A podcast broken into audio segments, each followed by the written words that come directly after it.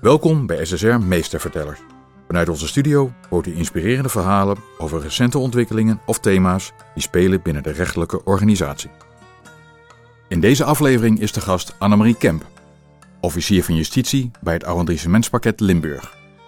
Tijdens haar werk wordt ze regelmatig geconfronteerd met heftige dossiers in de kindermishandelingszaken die ze behandelt. Ze praat met Daan Langkamp over de persoonlijke impact van deze zaken en hoe je de balans moet bewaren. Huiselijk geweld, kindermishandeling, kinderporno, zenuwmisdrijven of andere zaken die het daglicht niet kunnen verdragen. Dat kunnen emotionele, zware zaken zijn voor professionals als rechters, officieren van justitie of advocaten. En daarover spreek ik met Annemarie Kemp. Zij is officier van justitie bij het arrondissementspakket in Limburg. We hebben afgesproken om elkaar te tutoyeren, dus dat doen we dan ook. Annemarie, van harte welkom. Dankjewel. Jij hebt als aandachtsgebied huiselijk geweld, kindermishandeling en zeden. Wat voor zaken zijn dat? Dat zijn eigenlijk alle zaken waarin ehm, geweld toe wordt gepast op kinderen. En dat kan zijn fysiek geweld, dat kan zijn seksueel geweld, kan ook zijn psychisch geweld. Ehm, dat, dat zijn eigenlijk de, de, de, is de grootste categorie zaken. Ja. En hoeveel zaken, of hoeveel van dat soort zaken doe je nou per week?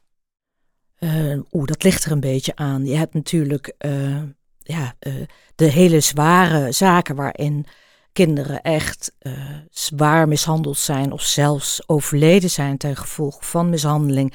Nou, dat, dat zal er misschien één in de twee, drie maanden zijn. Andere huiselijke geweldzaken komen vaker voor. Ik denk dat ik zo gemiddeld één keer in de week een zaak doe waarbij een kind uh, slachtoffer is. Ja. En wat raakt je in zo'n zaak? Wat, wat, wat, wat ja. Nou ja, heel veel raakt je uiteindelijk. Um, ik zelf merk persoonlijk um, uh, dat. Uh, uh, nou ja, goed, er zitten soms hele heftige dingen in een dossier. foto's van kinderporno bijvoorbeeld, maar ook forensische foto's waarin kinderen ja, opstaan, waar uitgedrukte sigarettenpeuken, noem het maar op. Dat is heftig om te zien. En ik zelf persoonlijk kan het meestal redelijk professioneel bekijken. En maar altijd één keer in zo'n zaak, en het maakt niet uit wat voor moment, soms bij de voorbereidingen, soms zelfs op zitting, dan, dan gaat het even door mijn hoofd dat ik denk, ach jeetje, wat moet dat kind gevoeld hebben. En dat vind ik altijd wel even een momentje van oeps, auw. Dat, ja, dat, dat is een raakt. emotioneel lastig moment. Ja, dat raakt je dan even, ja. En je, je leest als professional een, een dossier, hè, dat is natuurlijk opgesteld. Wat, wat kom je daarin zoal tegen? Wat, wat, wat zijn uh, zaken waar je tegenaan kan lopen? Nou, bij een kindermishandelingszaak begint het heel erg vaak met een forensische rapportage waarin ja, letsel wordt vastgesteld bij een kind waarvan eigenlijk waar, waar geen verklaring voor wordt gegeven en waarvan het vermoeden is dat de anderen dat hebben toegebracht. En, nou ja, en, en, dat kan soms heel zwaar letsel zijn. Ja, dus dat, wordt, dat wordt er echt in woorden omschreven, kan ik me voorstellen? Ja, en de forensische rapportages zijn ook vaak met foto's. En dan zie je, dat is, dat is confronterend. Dat zijn kleine kinderen die daar zitten. Uh, en je ziet op de foto's wat hun letsel is. En soms, ja, als er een foto van een, kijk, een, een blauwe plek op een beentje. Maar je ziet ook foto's van het kopje van zo'n kind. En ook de blik in de ogen vaak van zo'n kind. Dat lijkt me wel heftig. Ja, dat is het ook. Dat is, dat is gewoon, ja, dat zijn heftige zaken. Maar het zijn ook zaken waarin je het verschil kunt maken. Hoe ga je daar dan mee om? Want als je zo'n zaak doet, ik kan me voorstellen, dan is het niet dat zodra er een vonnis is, eh, dat je dan de deur uitloopt en die zaak weg is uit je hoofd. Nee, dat klopt. Nee, ja, het is gewoon heel belangrijk om daarin uh, een soort balans uh, te bewaren.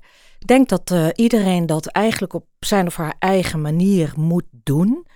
Um, en ik heb inderdaad toch na afloop van zo'n zaak even nodig, al is het maar een ochtendje of een dagje, uh, om dat los te laten. En, um, en wat doe je dan? Wat, wat, wat? Ja, ik ga een rondje door het bos rennen en uh, ik ga cake bakken. Ja, ik ben iemand die bijvoorbeeld het, uh, ja, het klooien op het goedje, zoals ik dat noem, een beetje in en om het huis rommelen, ontspannen, een beetje in de tuin. Ja, ik vind dat heerlijk. Nou ja, ik kan me voorstellen dat andere mensen weer andere dingen heel lekker vinden. Ik denk dat iedereen dat, uh, iedereen, ja, dat op zijn of haar eigen manier uh, moet doen. Maar het is wel belangrijk om het te doen. En het is ook belangrijk om daarin voor jezelf te zorgen. Dus heb je zo'n zitting, vaak in aanloop naar zo'n zitting ben je soms nog het weekend en avonden bezig met je requisitor, om dan de dag daarna bijvoorbeeld in je agenda ook daadwerkelijk te blokken als dat kan. Of misschien een dag daarna, dat, dat maakt niet zoveel uit. Maar dat je echt bijkomtijd blokt, zal ik maar even zeggen. Ja, dat je echt even tijd nodig hebt om, je, om jezelf even, om alles een plaats te geven misschien. Ja. En dit soort zaken is, is ook zo. Ja, die komen soms ook gewoon geclusterd, bij wijze van spreken, binnen. En uh, dan is het ook wel goed om uh, met een collega of met je baas de afspraak te maken dat je een soort overloop hebt. Ik bedoel, je kunt niet drie shaken babies in een week doen, dat is gewoon niet goed voor je. Dus dan, uh, dan moet je die aan een collega overdragen. En is dat dan ook, is het dan ook zo dat als je daarmee bezig bent, um, dat je die ruimte krijgt om dat altijd te doen? Nee, die moet je echt zelf pakken. En het is ook niet, geen onwil hoor, zeker niet.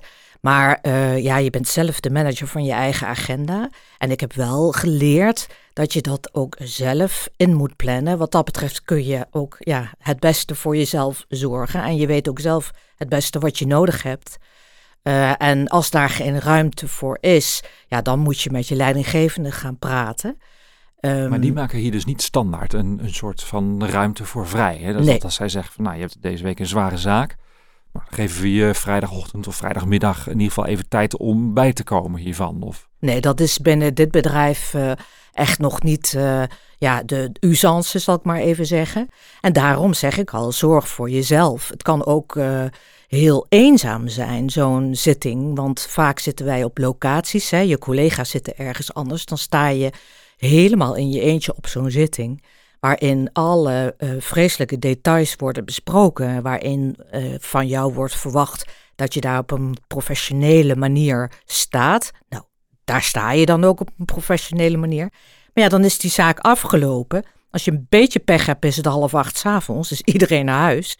De rechters gaan naar de raadkamer, die zitten daar met z'n drieën en met uh, griffier erbij. En jij bent helemaal alleen. En wat dan doe je kan... dan? Wat, als jou dat overkomt, wat, wat, wat is het beste wat je kan doen om dat te voorkomen? Nou, het beste wat je kan doen, uiteraard, is ook voor als je voorziet dat het een zware zaak wordt. Uh, en daar ook, tuurlijk, hè, alles kan. Maar je kan alles alleen, maar is het verstandig? Nou, neem iemand mee.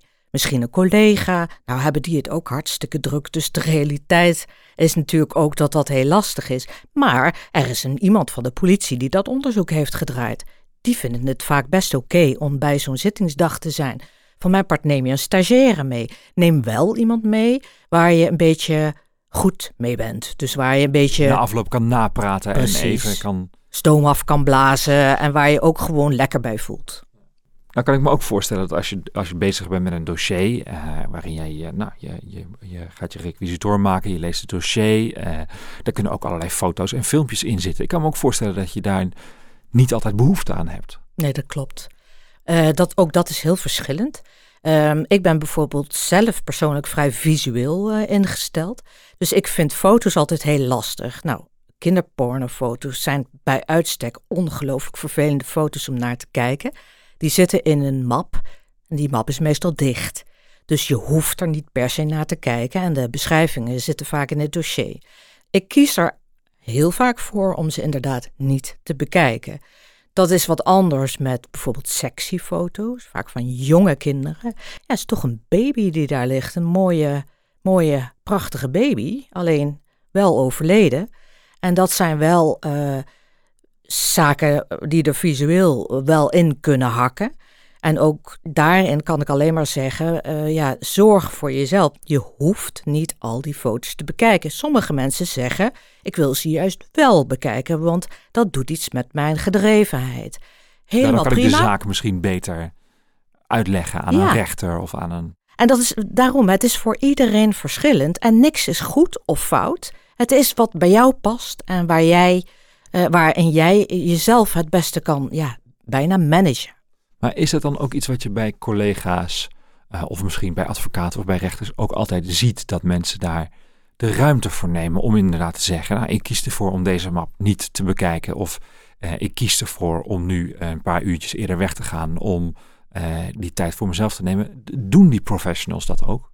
Ik denk dat er een best wel een gedeelte het ook niet doet. En dan loop je uiteindelijk gewoon tegen jezelf aan. En het is uh, eigenlijk alleen maar een, een kwestie van, uh, van dat je ja, nogmaals goed voor jezelf zorgen, waardoor je ook kunt blijven presteren. En uiteindelijk is dat ook voor een organisatie alleen maar in het belang van die organisatie dat jij in balans blijft en daar als een uh, hele stoere, goede professional staat en je zaak gewoon goed doet. En wat je daarin nodig hebt, nou ja, regel dat voor jezelf. Maar zouden we dan emotie hetzelfde moeten benaderen als bijvoorbeeld werkdruk of stress? Um, mensen, nou en mensen zijn zich daar natuurlijk zeker binnen het OM. De, men weet dat de werkdruk hoog is. Men weet ook wat je moet doen als je stress hebt of wat je daar tegen kan doen. Moeten mensen dan ook meer um, uh, getriggerd worden om ook op die manier na te denken over hoe je met emoties om kan gaan of met dit soort zware zaken? Ja, ik denk dat het al heel een hele stap vooruit is als mensen niet, niet zo snel een oordeel hebben. Want het OM ja, heeft nogal een beetje het imago van een beetje stoere organisatie.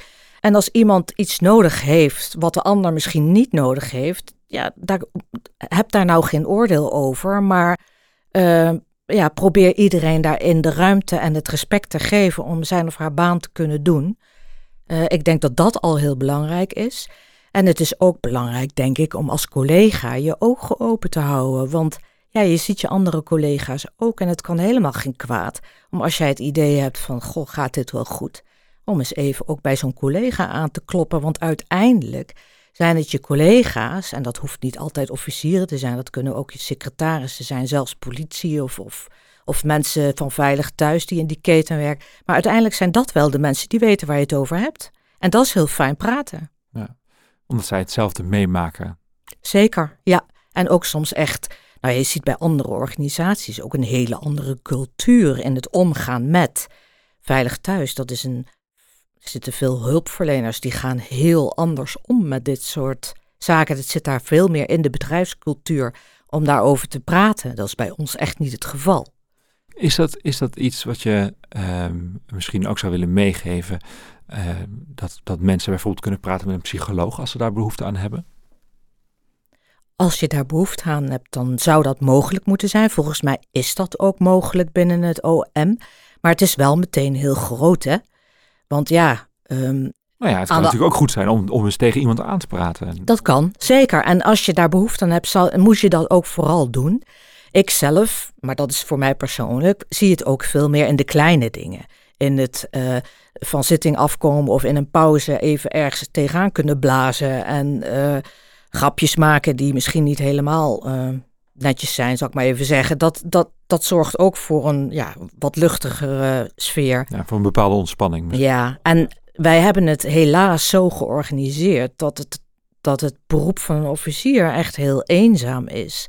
En ik denk dat, dat nou, in ieder geval bij toekomstige organisatieontwikkelingen het ook het OM erop gericht moet zijn dat die professional daar niet zo in zijn eentje of zijn haar eentje staat. Nee, dus eigenlijk zou je als tip willen geven: doe vooral wat je zelf goed lijkt. En laat je daar niet tegenhouden. Nou, mijn tip is echt zorg voor jezelf. Ja, duidelijk. Annemarie Kemp, ontzettend bedankt. Graag gedaan. Dit was SSR Meestervertellers. Wilt u op de hoogte blijven? Abonneer je dan op onze podcast. Graag tot een volgende keer.